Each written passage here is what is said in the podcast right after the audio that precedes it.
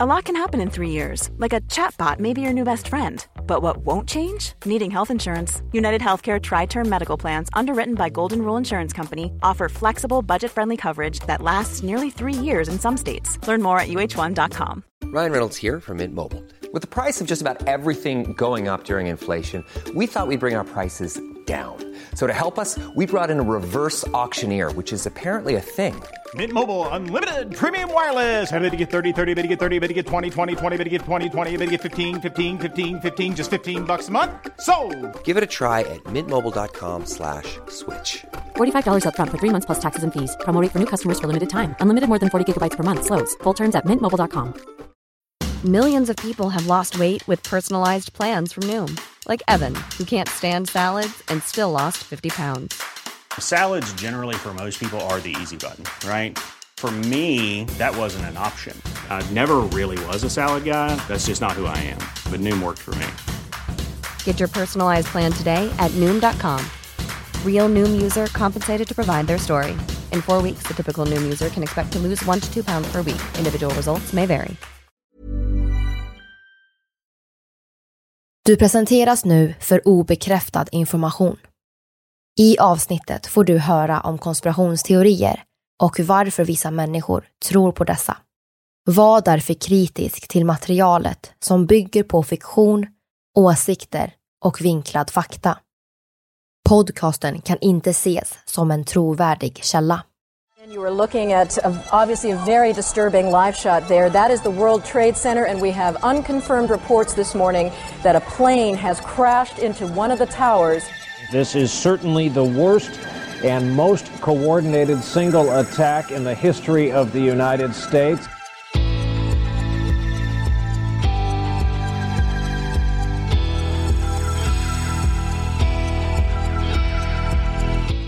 Det här är podden för dig som är intresserad av en annan version av verkligheten. En version som tar upp alternativa teorier, mystiska sammanträffanden och diskussioner om vad som kan vara sant. Mitt namn är Vivi. Och mitt namn är Aida. Och det här är konspirationsteorier. Hej allihopa och välkomna till del två av diskussionsavsnittet för 9-11. Jag heter då Vivian Lee och med oss har vi alltid Aida Engvall. Jajamän. Förutom henne så har vi även Albin Ramadani Åslund med oss också. Hej! Och senast så pratade vi väldigt mycket om ja, men det skumma som hände med, eller inte det skumma, men de teorier som finns om 9-11 och vi pratade om ja, men hur byggnaden föll, den här FBI-agenten och Al-Qaida och bin Ladens koppling till Bush och grejer. Så att ja, vi ska fortsätta helt enkelt om andra teorier som finns. Vi avslutade förra avsnittet och då pratade vi lite om motivationerna bakom USA, om huruvida bin Laden skulle vara död eller inte. Så jag vill nämna kort en, en annan motivation som USA kan ha haft. Och det här gäller främst Irak. Och det är teorin om att Irak ska, under Saddam Hussein, ska ha haft tillgång till så kallade Stargates. Och att USAs invasion av Irak då skulle gått ut på att USA såklart själva ville ha de här Stargatesen. Och Stargates, vad är det? Det är det nog ingen som vet egentligen. Jag tror inte det, jag tror inte det är någon som är överens om någon typ av definitioner där. Men det är väl förmodligen det är en koppling på något sätt, kanske till en annan planet, kanske till en annan dimension. Men det är ju just, det är en port in till någonting större, till någonting annat. Och då, då är ju teorin att USA kanske skulle ha gått igenom allt det här för att kunna mörka dels Stargatesen i Irak och för att sen kunna motivera om varför man själva går in i Irak och i, i smyg tar över de här Stargatesen. Är det framtidskrig jag hör eller? Det är framtidskrig ja. Jag får ju direkt Anunnaki-kopplingar så fort jag hör sånt här. Där tror man ju att det ska finnas såna här på jorden som de här då onda varelserna kommer komma igenom och starta krig. Vilket jag vet inte om jag har fått siffran fel, men jag tror att det skulle vara 2022. Så i år? Ja, i år ja. Som det här skulle hända. För det var något kodat budskap i det då. Men det här var ju innan 2022, så kanske fick de nys om det då. Ja, men det kan, kanske var så att USA ville ta Stargates ändå för att förbereda sig för 2022. Har du Ja. tänkt på det? Ja. Nu kopplar vi ihop allt här. Ja, ja, allting. Det är det bästa. De alla lösa trådarna får kanske ett svar. Precis, och allt går tillbaks till Mm. George Bush. Men för att komma tillbaka till andra teorier om 9-11 då. Så finns det ju teorier om att man faktiskt tror att det här var helt fabrikerat och inte alls hände. Mm, precis, vi har ju pratat lite i de tidigare avsnitten om eh, missiler och om bomber. Och så här. Och en extremt mörk teori som gäller planet som kraschar i Pentagon. Det är att det liknande de andra teorierna, att det inte är ett plan utan det är en missil. Bland annat pekar man ju då på det, på det lilla hålet i Pentagon som inte tycks matcha med ett plan och så vidare. Teorin går ju då ut på helt enkelt det, det planet som ska ha kraschat in i Pentagon har helt enkelt blivit landat någon annanstans. Passagerarna har blivit omhändertagna, om man kan säga så. Och sedan har de telefonsamtal som ska ha skett ifrån luften till marken från planet som kraschar i Pentagon. Det ska ha fabrikerats helt. Så varken passagerare eller ett plan ska ha använts i attacken mot Pentagon utan en missil. I min research har jag dock inte hittat någon tydlig motivation för varför man skulle ha gjort det här. För det känns som ett omständigt sätt att eh, genomföra en attack på sig själv på det här sättet. Men teorin finns. Alltså de många teorier kring 9-11 kan man ju klassa som respektlösa mot folk som faktiskt förlorades i attacken. Mm. Men den här kanske är en av de grövsta, Ja. Skulle jag vilja säga. det har väl till och med varit så att eh, någon har sagt Alltså att man tycker att det är så konstigt att eh, man hittar liksom delar så himla långt bort från eh, där den egentligen skulle ha kraschat, alltså planet. Mm, precis, nu, nu tror jag du tänker på Flight 93 va? Som kraschade i, i Pennsylvania ute på fältet. Mm. Ja men precis, man pekar ju på att delar och enligt vissa vittnesmål eller utsagor även kroppsdelar och så vidare ska ha hittats extremt långt bort ifrån kraschplatsen. Vilket folk då tycker motiverar att planet ska ha blivit nedskjutet i luften. Så att det liksom har, har ramlat sönder på vägen ner till marken. Och en person, tror jag, har även sagt att detta är någonting som liknar en attack med en så kallad heat-seeking missile. Med en värmesökande missil helt enkelt. Så att man ska ha skjutit ner planet, Flight 93 då, i luften.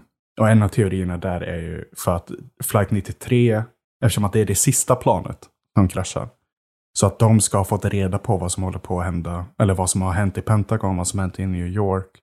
Och att eh, den amerikanska militären eller någon annan organisation har skjutit ner planet istället för att låta dem på planet och kunna till exempel ringa hem och säga att nej, det finns inga terrorister ombord.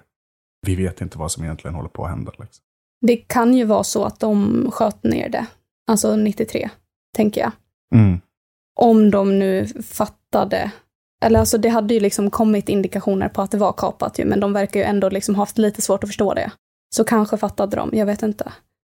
Men jag tycker också den här, te- det är ju liksom inte ens en rolig teori. Nej, nej precis. Nu, nu är vi ju inne i det mörka och extremt tragiska här. Ja, Men det ska säga att teorin att 93 sköts ner, det är någonting man kommer komma över flera gånger om man gör sin research in i 9-11. men vi kan ju hoppa över och diskutera lite andra skumma grejer. Bland annat då den här kommissionen. Mm, nu, nu blir det mycket roligare, för nu blir det politik och byråkrati och... Japp. Nej men precis, kommissionen var ju någonting som var, ja det är extremt skumt. Det finns mycket skumt kring kommissionen. Bland annat så, just kommissionen kring 9-11 då, gavs den lägsta budgeten av eh, oberoende kommissioner som undersökt olika fenomen i USA. Och, eh, vad ska man säga, on behalf av den amerikanska staten. Då. Den gavs den lägsta budgeten. Den gavs även en extremt kort deadline. Vilket är så här, eh, varför? Va, va, varför skulle det vara så? Det, det här är det största som har hänt i USA. Och personerna som får i uppgift att undersöka det och vad som har gått fel och vad som faktiskt har hänt. De får den lägsta budgeten och den kortaste deadlinen. Alltså deadlinen kan jag väl köpa. För jag tänker att det här är någonting superallvarligt som har hänt och så här, vi vill lösa det här snabbt som attans. Ja, fast alltså för att någonting ska göras ordentligt och för att någonting ska, alltså man ska verkligen gå till botten med någonting i detalj, då behöver man ju mycket tid tänker jag. Men om det är fishy så vill man ju inte ge lång tid. Exakt, det är det jag tänkte säga, för att de fick lite tid, lite pengar. Mm. Ja, men då kanske man inte kommer så pass långt i utredningen. Nej, och eh, om det inte är fishy då, så tänker jag också att den korta deadlinen kan förklaras med att Sara, jag vet inte om de visste här att det var al-Qaida eller inte.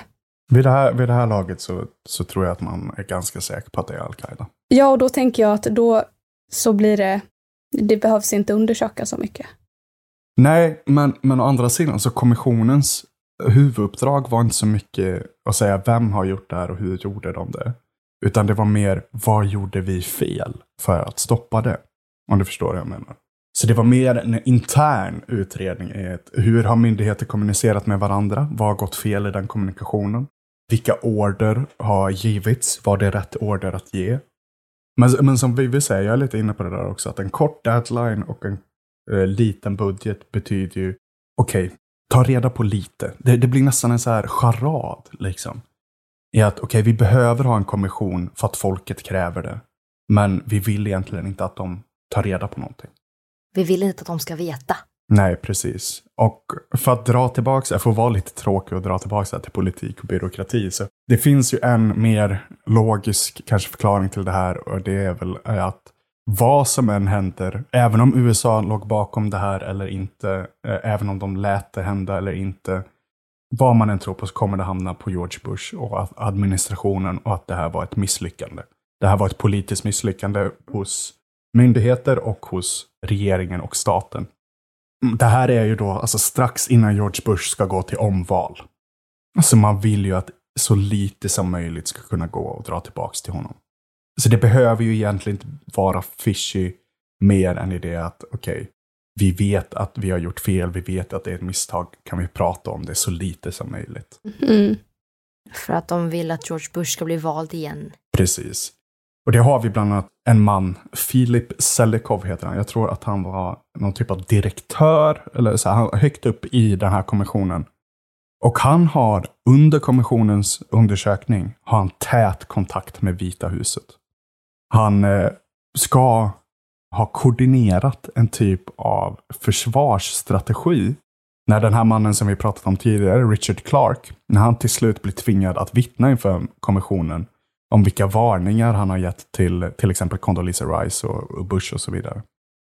Och det ville man ju inte skulle komma ut såklart, för det pekar på att okej, okay, Condoleezza Rice och George Bush, de visste, eller de visste att det fanns en hotbild och de har inte agerat på det.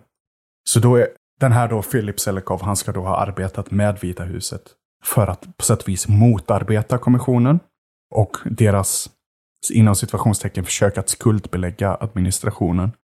Men också för att bygga någon typ av försvarsstrategi när de här extremt viktiga personerna ifrån myndigheter och ifrån regeringen till slut tvingas vittna. Någonting annat som också är så extremt skumt med kommissionen det är att George Bush, presidenten såklart, och eh, Dick Cheney, försvarsminister, båda de fick ju till slut också vittna inför kommissionen om vad har de fått för varningar, vad har de, vad gav de för order, vad visste de, vad visste de inte och så vidare. Men, och det här är extremt skumt, de vittnar bara efter att ett antal av deras krav har mötts. Dessa krav är bland annat att de ska vittna tillsammans, alltså inte individuellt, utan de vittnar tillsammans. De slipper att svära en ed, ni vet så här, lägga handen på bibeln och jag ska bara säga sanningen och ingenting annat än sanningen. Ingen inspelning eller transkribering av det de säger skulle genomföras. Förutom då från såklart en protokollsekreterare men det här protokollet eller de här anteckningarna får aldrig bli made public eller gå ut till allmänheten. Endast när kommissionen går med på det här så går Dick Cheney och George Bush med på att vittna. Det är sjukt för att det tyder ju ännu mer på att de har någonting som de döljer. Varför vill man inte svära en ed? Mm, exakt, framförallt när eden går ut på att jag ska vara ärlig. Jag ska bara berätta ärligt. Ja, varför, alltså, om vi säger då att liksom de inte vill göra det här för att de har så himla mycket hemlig information som inte liksom ska komma ut till allmänheten. Och den här hemliga informationen, det är inte att de själva har gjort det, utan det är bara generellt hemlig. Varför kan man inte bara svära eden? Mm. Jag har gjort min research här, men jag kan inte säga att jag är någon expert på den amerikanska byråkratin. Liksom.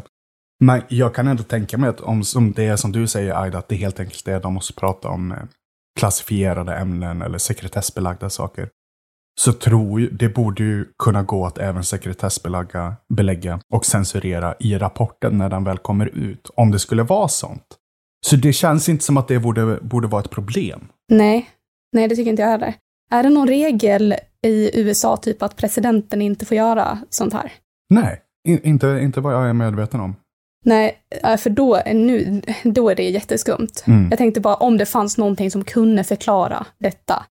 För gör det inte det, då är det här uh, superkonstigt.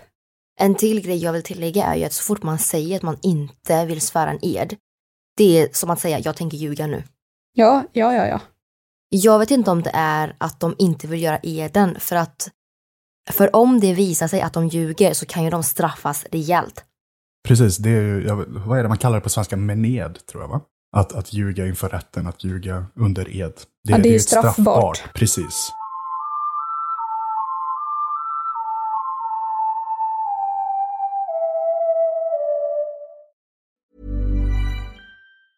Many of us have those stubborn pounds that seem impossible to lose, no matter how good we eat or how hard we work out. My solution is PlushCare. PlushCare is a leading telehealth provider with doctors who are there for you day and night to partner with you in your weight loss journey. They can prescribe FDA-approved weight loss medications like Wagovi and Zepbound for those who qualify. Plus, they accept most insurance plans. To get started, visit plushcare.com slash weight loss. That's plushcare.com slash weight loss. How would you like to look five years younger? In a clinical study, people that had volume added with Juvederm Voluma XC in the cheeks perceived themselves as looking five years younger at six months after treatment. Look younger, feel like you. Add volume for lift and contour in the cheeks with Juvederm Voluma XC. Reverse signs of aging by adding volume to smooth laugh lines with Juvederm Volure XC. For important safety information and to find a licensed specialist, visit juvederm.com. That's J U V E D E R M.com. Not for people with severe allergic reactions, allergies to lidocaine, or the proteins used in Juvederm. Common side effects include injection site redness, swelling, pain, tenderness, firmness, lumps, bumps, bruising, discoloration, or itching. There's a risk of unintentional injection into a blood vessel, which can cause vision abnormalities, blindness, stroke, temporary scabs, or scarring. Talk to a licensed specialist to find out if it's right for you. I'm Sandra, and I'm just the professional your small business was looking for. But you didn't hire me because you didn't use LinkedIn jobs. LinkedIn has professionals you can't find anywhere else, including those who aren't actively looking for a new job but might be open to the perfect role, like me. In a given month, over 70% of LinkedIn users don't visit other leading job sites. So if you're not looking on LinkedIn, you'll miss out on great candidates like Sandra. Start hiring professionals like a professional. Post your free job on linkedin.com/people today.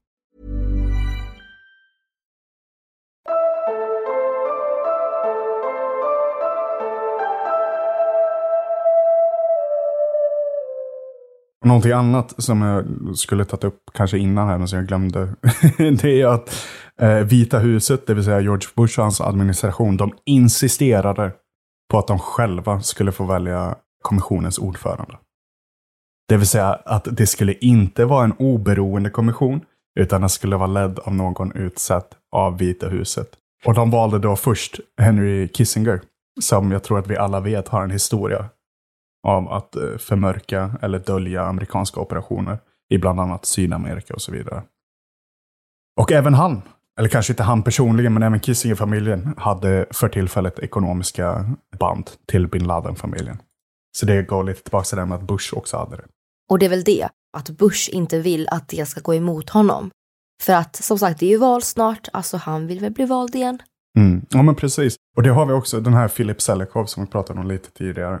Det är många från kommissionen som har vittnat om hur han verkligen insisterade och försökte köra igenom den här Iraklinjen i kommissionsrapporten. Alltså att det är Saddam Hussein och Irak ska skuldbeläggas. Kanske inte helt, för såklart vill man ju fortfarande ha hotet ifrån bin Laden och al-Qaida, för det som vi pratat om tidigare, det ger en motivering till att agera runt om i världen. Men man vill även få till det här mot Irak och Saddam Hussein. Man vill ha den här dubbla fienden. Liksom. Men jag tänker ju att det här måste fått jättemycket kritik. Ja, eh, bland annat eh, så det är USAs National Security Whistleblowers Coalition, alltså de som aktivt arbetar för visselblåsare. Folk som kommer ut med information som man inte får komma ut med egentligen, men som är extremt viktig för allmänheten.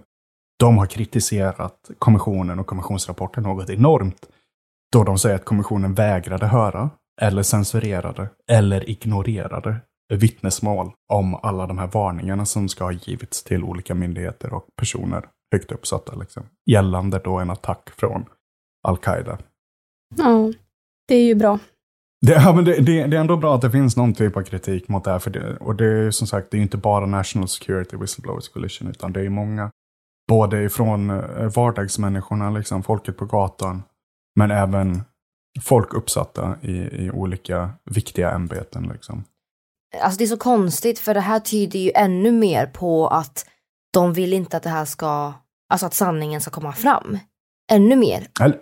man, alltså, man ska inte kanske säga så, men det, det är så det ser ut i alla fall. Ja, exakt så. Ja, det är så det ser ut. Och det, det är ju det som är extremt skumt, att varför kan ni inte bara vara ärliga på sätt och vis? Liksom? Var, varför låter ni det se så fishy ut? Om det nu inte är fishy, varför tillrättagör ni det inte? Det här är ju verkligen alltså ett så tydligt exempel på hur man gör fel.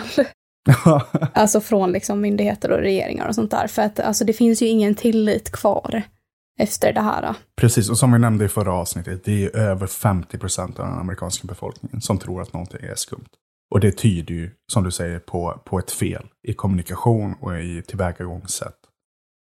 Alltså kommissionen har bland annat, alltså den har ju fått i efterhand fått kritik ifrån sin ordförande, från sin egna ordförande och från sin vice ordförande. Där de båda säger att kommissionen var, och jag citerar här, set up to fail. Alltså att den, den var menad att misslyckas från början. Och de pekar ju då bland annat på den låga budgeten, den korta deadlinen, men också ifrån allt det här motstånd de har fått ifrån vittnen och politiker och myndigheter. Och det, det tycker jag är extremt intressant. Alltså så här, just det att andra utifrån kritiserar, det förstår jag för man, för det ser fishy utifrån. Liksom. Men de har suttit där. Det är ordförande och vice ordförande. Och de själva säger i princip, nej, det är jätteskumt. Ja, frågan är om, det, om de säger det då för att eh, det var set up to fail, alltså det var låg budget, det var kort deadline, vi kunde liksom inte undersöka det här för att alla ljög. Eller om de gjorde det för att så här, de såg att det här fick så mycket kritik. Och sen vi, vi måste ta avstånd från det här och säga att, skylla på inom citat här, de här sakerna. Men också för att det skulle typ se ut som att, för att det ska se bättre ut, för att försöka lägga lite plåster på såren och säga att man själv kritiserar det för att det ska, att det inte bara utifrån som kritiserar utan även de själva. Nej, såklart. Det, det är amerikansk politik. Det är spel, politiska spel, liksom, det är byråkrati. Så som ni säger, det finns ju mycket möjligt att de hittar någon typ av politisk poäng i att distansera sig själva ifrån det. Det, det är mycket möjligt. Eller så kanske de insåg att det här är helt sjukt. Vi eh, måste säga ifrån nu. Att de insåg att det här är så korrupt och jag vill inte vara en del av det här mer. Nej men precis. Alltså för, för det, det är ju mycket skumt. Bland annat har det finns eh, information om hur CIA har undanhållit videoklipp av förhör med, jag tror det är två eller tre al-Qaida-medlemmar. Alltså att kommissionen har bett CIA om vad har ni för information om eh, al-Qaida, vad har ni för förhör, vad, vi behöver all data liksom. Och CIA har då sagt att här, det här är allt vi har. Men senare har det kommit fram då att de har förstört de här videoklippen. Att de har inte lämnat över det de faktiskt bads lämna över. Och att de istället förstörde informationen. Och det är någonting som inte kommer upp förrän långt senare, tror jag, när man gör en nästan en sekundär undersökning där man går igenom kommissionen och vad, vad kom faktiskt fram och så. Och då undersökte man det här spåret då. Och då visade det sig att CIA hade videos som de borde ha lämnat över enligt vad kommissionen då begärde. Men de gjorde inte det, utan de sa ni har fått allt vi har. Men så finns det då de här videoklippen som har blivit förstörda i efterhand. Jag är inte förvånad. Nej. Alltså, det är CIA. Det är alltid de, alltså alltid i varje teori vi tar upp i den här podden så känns det som att de har förstört bevis. Man landar alltid i CIA. Mm. Men så är det väl också. Alltså har man en, har man en myndighet, helt enkelt, en organisation vars enda arbete är att arbeta i skuggorna, så får man nog acceptera att de ljuger även för oss. De ljuger inte bara för fienden. Liksom. Till, till det här med att arbeta i skuggorna, något som också kommit fram, kanske i efterhand, så här, det är att mycket av den information från eh, rapporten, då, kommissionsrapporten, har ju kommit från förhör med eh, al-Qaida-medlemmar. Och majoriteten av de här har ju suttit på Guantanamo Bay. Och det vi nu vet i efterhand då är ju att förmodligen har majoriteten av de här, den här informationen kommit fram under tortyr. Eller så kallade enhanced interrogation techniques, som USA så fint kallar det. Vi pratar om waterboarding, vi pratar om electrocuting, vi pratar om white torture. Och det är också så här, okej, okay, men hur mycket av den här informationen är faktiskt reliable? Och hur mycket av den här informationen har bara kommit fram för att stoppa tortyren? Mm, precis. Och det är såklart en enorm kritik emot kommissionsrapporten då, för den bygger nästan i, i majoritet på, de här, på den här datan. Och på, precis som du säger, på tortyr. Och jag tror att det finns till och med data på att minst fyra av de förhörda har senare sagt att de, de sa bara det de behövde säga för att det skulle sluta. Mm. Och då kan man ju ifrågasätta det ännu mer. Mm. Ja, men pr precis. Väldigt skumt och sådär. Men vi kanske ska hoppa tillbaka lite till just det här med attacken då. Mm. Vi pratade ju i förra avsnittet om att man eh, sköt ner plan och sådär. Men det finns en annan teori också om just plan och skjutning. Ja, precis. Det är ju Dick Cheney då, försvarsminister. Men han skriver då senare, långt senare, att han under attacken ska ha givit ordern att eh, helt enkelt skjuta ner alla kommersiella flygplan som fortfarande fanns i luften. Men det dyker ju upp enligt kommissionsrapporten senare då att den här ordern nådde aldrig flygvapnet. De har helt enkelt aldrig fått den ordern. Så det är frågan, gav han orden alls? Är det så här, återigen en så här politisk poäng han försöker ta till sig efteråt? Att kolla, jag var ändå duktig, jag var o-o, attackera liksom. Eller är det här också någonting, är det här att han faktiskt gav orden, men att någon senare inte gav den vidare till flygvapnet för att stoppa de kommande attackerna? Men vadå, det där är ju jättehemskt. Alltså ska de alltså skjuta ner alla kommersiella flygplan som är i luften?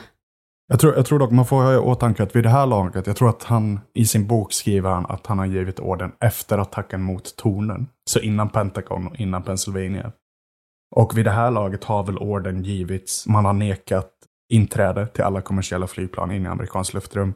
Man har tvingat flygplan att landa och så. Så det är inte som att luften är fylld av flygplan vid det här tillfället. Nej, okej. Okay. Vad bra. Men samtidigt, alltså det finns fortfarande flygplan i luften. Det ska vi inte förneka. Så det, hade orden givits så finns det mycket god chans att eh, vi hade sett eh, civila offer. Fler civila offer liksom. Ja, okej. Okay. Ja, och då kanske det fanns någon som inte gav den vidare då, orden. Eller så ljög han. Ja, eller så ljög han. För det finns mycket lögner i den här teorin. Jo, och det, och det för oss väl lite vidare till eh, NORAD, som också har en stor lögn i, i 9-11. NORAD är North American Aerospace Defense Command. Det vill säga att det är en militär myndighet som helt enkelt kontrollerar det amerikanska luftrummet. Med, via radar och så vidare. Och det som har kommit upp senare är att eh, de ljög om sin timeline. Alltså vad de visste och när de visste det. Och det har då kommit fram efter att kommissionen undersökte inspelningar från telefonsamtal och så vidare. I att NORAD, när de väl kom ut med sin officiella timeline, så har de sagt att eh, ja, det här hände då, det här hände sen, det här hände då. Men när man sen har undersökt faktiska telefonsamtal och inspelningar så har de inte vetat det de säger att de vet. Och framförallt så har de inte haft den kunskap de säger att de har när de säger att de har. Alltså timelinen är felaktig. Va varför gör de det här? Det är väl också för att ställa sig eh, själva i bättre ljus, tror jag. För NORAD är ju, det hela 9-11 ligger ganska mycket på dem. För det är ju de som kontrollerar luftrummet. Men alltså, jag, jag kan fatta om man ljuger. Om man då döljer sina spår. Men det, om det går att bekräfta med liksom telefonsamtal och sånt där och man ljuger, då kommer ju det komma fram. Ja, och det gjorde det ju till slut. Och faktiskt gick det så pass långt att man började diskutera om det här var kriminellt. Alltså att de, om de har ljugit så pass mycket och att det faktiskt är folk som behöver åka till fängelse för det här. Men såklart så hände det ju ingenting med det efteråt, utan folk blev ju off the hook, som man säger på engelska. Men det känns som det alltid är så att när det väl händer ett stort brott som har med en stor regering att göra eller makthavare eller andra stora viktiga företag så känns det som att vi behöver er ändå så att ni får vara kvar. Ja men precis. Och det, det, det finns ett citat ifrån en av medlemmarna ifrån kommissionen som säger The commission staff believes there is sufficient evidence that the false statements made to the commission were deliberately false. Det vill säga att det fanns tillräckligt med bevis för att det NORAD har sagt till kommissionen, det var inte bara misstag i deras timeline, utan det var just medvetna lögner. En annan del av det här med NORAD, det är det så kallade Phantom Flight 11. Flight 11 är ju ett av planen som kraschar in i ett av World Trade Center-tornen. Det här kanske är mer av ett misstag, men de ska alltså ha sagt att det är inte Flight 11. De har därför skickat upp piloter i luften för att leta efter Flight 11, som inte finns, för det har redan kraschat. Men vad då? alltså det kan ju inte vara så att det var världens lagg i eh, informationen. Alltså samtidigt är det ju en väldigt kaosartad situation och jag tror vi, vi har pratat om det tidigare i det första avsnittet, just i att planen, eller piloterna och kaparna, de kunde ändå så pass tillräckligt mycket att de stängde av sin transponder. Alltså det som säger, sänder ut i luften, vem är jag? Jag är flight 11. Så det de hade var väl mer att, okej, okay, ett plan har kraschat, eller två plan har kraschat in i tornen, men vi, vi kan inte helt hundra säga vilka plan det var. Och därför trodde man då att flight 11 fortfarande fanns i luften. Och man visste att det var kapat vid det här laget. Men man visste inte att det var kraschat. Men det betyder ju också att man la resurser, det vill säga stridspiloter, eh, till att jaga ett spöke, helt enkelt. Man förlorar bara massa tid och det var väl det kaparna var alltså beredda på. Att slösa så mycket tid som möjligt för de som ska stoppa dem. Så att de kan klara av sitt mål.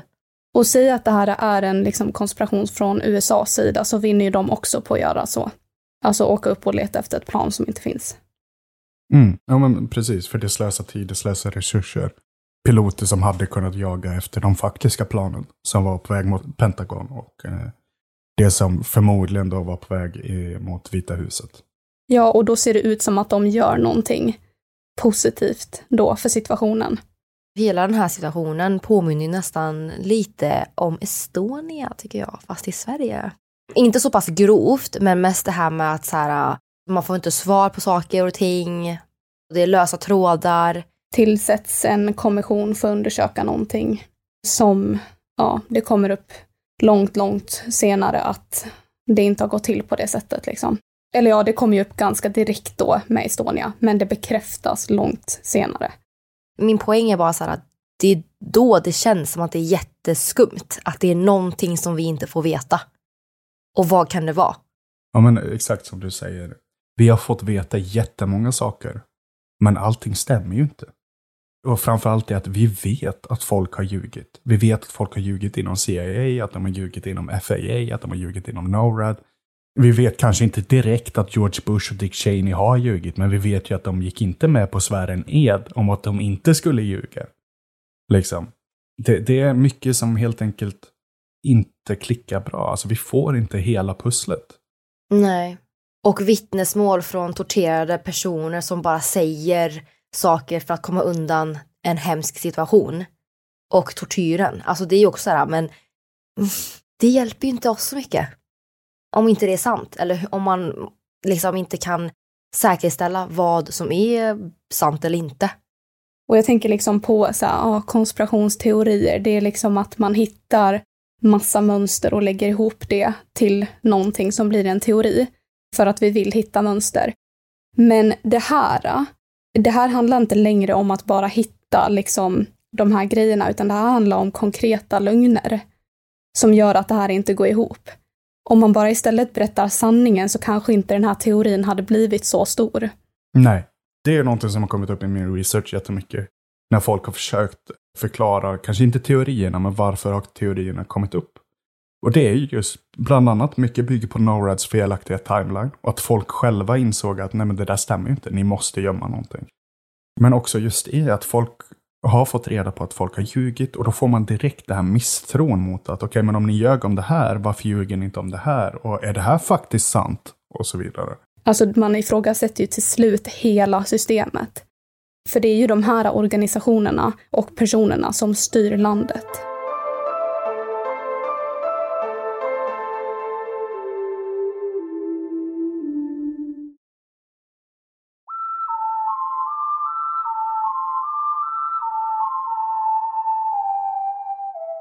Vad eh, känner man nu då när man har pratat och gått igenom 9-11? Man blir ju fundersam. Lite konspiratorisk. Ja. Mm. det, det, är ju enkelt, det är mycket som inte stämmer. Och det, det, är väl det som gör det så krångligt. För på ena sidan så har vi de här teorierna om jag vet inte, supertermit och, och 3D-plan som inte existerat och egentligen är missiler eller hologram och grejer liksom. Men på andra handen så har vi liksom, vi har lögner, vi har rena lögner, vi har undanhållen information. Och det blir så svårt att då staka ut vad är det som faktiskt har hänt.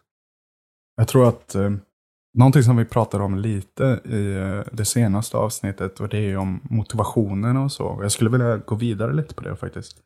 För jag tror där pratade vi ju också om Vietnamkriget och om hur det kom till och om hur det i ganska stor mängd också var lögner som ledde till den amerikanska invasionen. Och det finns extremt många kopplingar här emellan skulle jag vilja säga. Eh, emellan kriget mot terror och kriget mot kommunism som skedde tidigare under kalla kriget. I att det båda är extremt svårt att definiera vem är fienden. För vem som helst kan vara en kommunist eller en terrorist. Det, det finns liksom ingen tydlig fiende, utan det är bara kommunismen är fienden, eller terrorismen är fienden. Och vem i slutändan är det då som blir fiende? Jo, vem än staten väljer är fiende. Och det ser vi bland annat då i Irak, Saddam Hussein. Alltså man kan tycka såklart vad man vill om Saddam Hussein och Irak, men det fanns inga kopplingar till 9-11. Det fanns inga kopplingar till Al-Qaida. Det fanns ingenting som pekade på att Irak ska ha varit involverad i terrorism mot USA. Men Irak blir ändå fienden, för att USA bestämmer det. För att de säger att de är terrorister. Saddam Hussein är en terrorist. Det är helt sjukt hur mycket makt USA har. Mm. Jo, jag tror vi pratade lite om det. Att så här, konsekvenserna från 9-11 går ju såklart att känna överallt idag. Vi pratar om sä äh, säkerheten på flygplatser och så. Men framförallt tror jag också att muslimer runt om i världen och framförallt i västvärlden, alltså invandrare och så vidare, de har ju lidit någonting enormt av the backlash, om man vill kalla det så, i just att kriget mot terrorism fick ju den här undertonen av att terrorister är muslimer. Tyvärr ja. Och det, har, det har ju såklart blivit lite bättre, men jag tror vi pratade om det också, att det känns fortfarande idag, alltså hatbrott mot muslimer ligger fortfarande högre idag än vad de gjorde innan 9-11. Mm, ja, det är jätte, jättehemskt. Och just att USA har makten att måla upp vem de vill ska vara fienden. Och där liksom kunna peka ut hur många som helst, vem som helst. Och att de målar sig själva som hjälten. Mm. Vi är hjälten som kommer och räddar er nu. Mm. Till exempel i Afghanistan. Hur det, hur det faktiskt slutade. Hur slutade invasionen och ockupationen av invasion? Jo, vi är tillbaks på ruta noll. Talibanerna är tillbaks. Och eh, man kan kanske till och med argumentera för att de är starkare idag än vad de var innan invasionen. Så det har inte lett till någonting mer än att realisera korta geopolitiska mål ifrån USA. Det är mycket med 9-11 som är eh, skumt och jag tror att det är inte bara vi som tycker det och nu när man lyssnar och går igenom allt det här att det är mycket lösa trådar.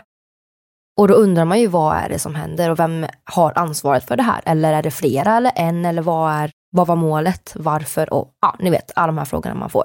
Mm, precis. Vi har ju pratat lite om Simpsons i den här podden innan. Och det finns ju faktiskt en teori om att Simpsons på något sätt förutspådde 9-11 lite. Ja, precis. Jag kommer inte ihåg vilket avsnitt det är, men jag tror att Simpson-familjen åker väl till New York. Eller på väg till New York och så finns det en plansch med tvillingtornen då. Och så tror jag det är en resa till New York och den kostar 9 dollar eller 9 cent. Så på affischen blir det 9-11. Mm, precis. Jag vet inte om vi pratade om det i vårt Simpsons-avsnitt, det är så länge sedan.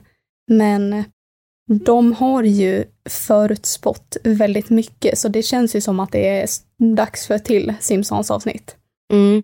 Och jag kollar snabbt upp nu vilket avsnitt det är. Och det är i säsong 9, avsnitt 1. Oj, det var också Ja. nästan Ja, lite... exakt. Det var ju nästan.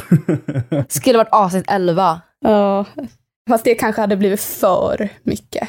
ja, kanske. Men sen så tror jag väl också så här, jag skulle tveka på att den, det avsnittet går att få tag på idag. Eller i alla fall att den scenen är med idag.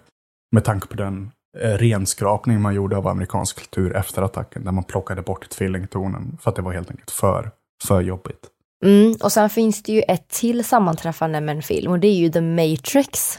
Att Neos pass går ut den 11 september. 2001. Exakt. Mm. Det är ju skumt. Alltså så här, Simpson, det köper jag ändå för de pumpar ut så många avsnitt att ibland måste de bara ha rätt. Men Matrix, just med kopplingen till Matrix och simulationen och allt det, det blir för mycket. Nej, de visste, de visste. Alltså just, alltså för det är ju sån himla framtidsfilm också. Precis. Så att eh, ja, det, det är klart att de ska ha rätt på den. Alltså det, nej, det, det blir bara för mycket. Mm. Alltså det, det är så roligt för i alla avsnitt så blir man verkligen så här, man kopplar ihop alla konspirationsteorier. Och sen till slut sitter man där med liksom alla existentiella frågor som finns och bara, vem är jag? Finns det en jord? Alltså, är jag en, är jag en data? Är jag en alien? Alltså, vad är jag för någonting? Ja. Mm. Men eh, ja, nej, så att eh, vad tror ni, våra kära lyssnare? Mm, det vill vi höra. Vi finns ju på Facebook och Instagram där vi heter konspirationsteorier. Och sen så finns vi ju även med vår grupp konspirationsteorier eftersnack. Så där, gå med i den och skriv era tankar eller läs andras tankar. Och vill ni nå mig eh, så kör jag bara röksignaler. jag håller koll dagligen. Så det är bara, ja, om ni vill något. Det är ju säkrast så kanske. Ja, Exakt, på det här sättet kan den amerikanska staten inte hacka mig. Nej. Du utmanar inte nu. Jag tänkte säga, jag har eh, Google Home just nu, så jag, så jag menar, de kanske tjuvlyssnar på mig nu, jag vet inte vad jag håller på med. Ba- Bang, bang, bang, FBI, open up. Ja. Försvinner jag nu så vet ni att de tog mig. Vi släpper ett avsnitt om det då. Mm, precis. Eh, men som sagt, ja, mycket tankar, mycket som rullar runt i huvudet. Vad är sant, vad är inte sant? Vem ligger bakom attacken? Vad hände egentligen? Eller är den officiella versionen sann eller finns en alternativ version? Det vet vi inte och vi kommer kanske inte få det bekräftat någonsin. Och eh, lite reklam nu då. Vi har släppt merch och eh, det finns att köpa på podstore.se. Så gå in där och scrolla och se vad ni tycker om. Riktigt grym merch. Man kan ju inte se det, men jag sitter i en eh, tisha just nu faktiskt. Eh, men innan vi, vi rundar av här eh, så tänkte jag att vi kan prata lite om motargument och, och debunking som jag har dykt på i min research. En av de mest eh, betydelsefulla meningarna, eller vad man ska säga, som vi har fått ifrån 9-11 konspiratoriska, ja, konspirationsteoretiker, det är ju jet fuel can't melt steel beams. Det tror jag alla har hört, även de som inte är insatta i det. Och det finns ju såklart ett motargument mot det här och det är att eh, jetbränslet skulle inte behöva smälta balkarna i World Trade Center för att tornen ska kollapsa. Utan det räcker ju helt enkelt med att det blir så pass varmt att eh, balkarna böjer sig. Och det skadar ju den strukturella integriteten i byggnaden. Vilket skulle kunna leda till att byggnaden kollapsar. Och det är ju en av de här grejerna. Mm, precis, det behöver inte vara att det är sprängämnen i balkarna. Nej, precis. Ett annat sånt här som vi har, det är kommer inte ihåg vilket avsnitt det är vi pratar om, men vi, men vi pratar om Larry Silverstein och uttrycket pull it, som han säger i en intervju. Det som har kommit fram senare, och jag tror det är från att han har förklarat det här, det är att han menar ju inte pull it som är att man ska ha sprängt byggnaden, Han menar pull it som är att man ska ha dragit ut personalen. Jag själv tycker fortfarande att det är ett extremt fishy språkbruk att säga pull it, om det är att han menar pull them out. Mm. Men man, man ska ändå veta att eh, det finns där liksom. Sen så har vi också den här mannen som live på Fox säger att det inte såg ut som kommersiella flygplan för att han inte såg några fönster. Det är ju såklart en, en extremt skum eh, vittning, eller vittnesbild om det skulle vara så. Men man har ju faktiskt hittat fönster senare i kraschplatsen. Sen så har vi det här eh, hålet i Pentagon som är, som är extremt skumt. Att varför är det så litet när ett plan är så stort? Och argumentet däremot, där finns ju ingen kanske officiell debunk, men det man har argumenterat är att planet har inte kraschat in i byggnaden. Utan det har kraschat in i marken och sen glidit in i byggnaden. Vilket har förklarat att planet har helt enkelt blivit mindre för att det har förstörts och tappat delar på väg in i väggen. Vilket innebär att det inte behöver vara en missil. Nej, precis. Och sen Mm. så finns det även vittnesmål från folk som har sett planet. Och just det här med missiler är ju ingenting som jag personligen lägger särskilt mycket vikt i. Med tanke på att man har sett flygplan. Alltså det finns vittnesmål om flygplan. Så det, det, missilerna är så här, det är någonting som för mig är ganska out there. Det är ingenting jag själv lägger någon vikt i som sagt. Men från Pentagon då till, till Pennsylvania och, och flight 93 som kraschar in i backen.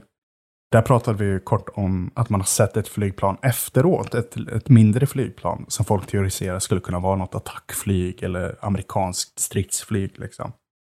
Och det finns någon typ av förklaring där, eller kanske någon typ av sätt att försöka förklara det. Att det ska ha varit ett privat flygplan som har betts av luftledare då att identifiera kraschplatsen helt enkelt och att undersöka vad som har hänt. Och att de sen blev ombedda att lämna och eh, landa efter det här. Mm. Så det är väl eh, i alla fall några förklaringar. Eh, Men jag vill ändå rekommendera alltså, ni som lyssnar på de här avsnitten, ni som har ett intresse för det här. Gör er egna research. För där det finns argument, där finns det motargument. Och där det finns bevis så finns det oftast även motbevis. Så jag tror att man behöver, vara, man behöver göra sin egna research och hitta vad man själv tror på och vem man tror på. Precis. Och kom ihåg, podden heter konspirationsteorier. Det vi tar upp här är ju inte alltid bekräftat. Det vi tar upp är helt enkelt vad för teorier finns det och varför tror folk på dem? Och det tycker jag ändå vi har på ett sätt berättat nu. Så precis som Albin säger, det finns massa, massa, massa information om motargument. Gör er egna research och utgå från det och se vad som sägs. Mm. Tusen tack till dig Albin och eh, ni kommer säkerligen få se mer, eller ni ser ju inte oss, men ni kommer säkerligen få höra mer från oss. Japp. Så ni får det så bra tills eh, ja, nästa avsnitt helt enkelt. Mm. Hej då!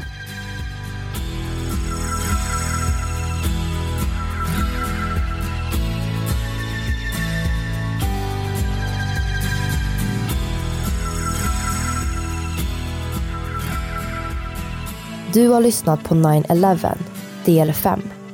Avsnittet gjordes hösten 2022. Vi som har gjort programmet heter Vivian Lee och Aida Engvall. Tillsammans med redigerare Jenny Olli och manusförfattare Albin Ramadani Åslund. Källorna till dagens program hittar du via vår Facebook eller Instagram där vi heter konspirationsteorier.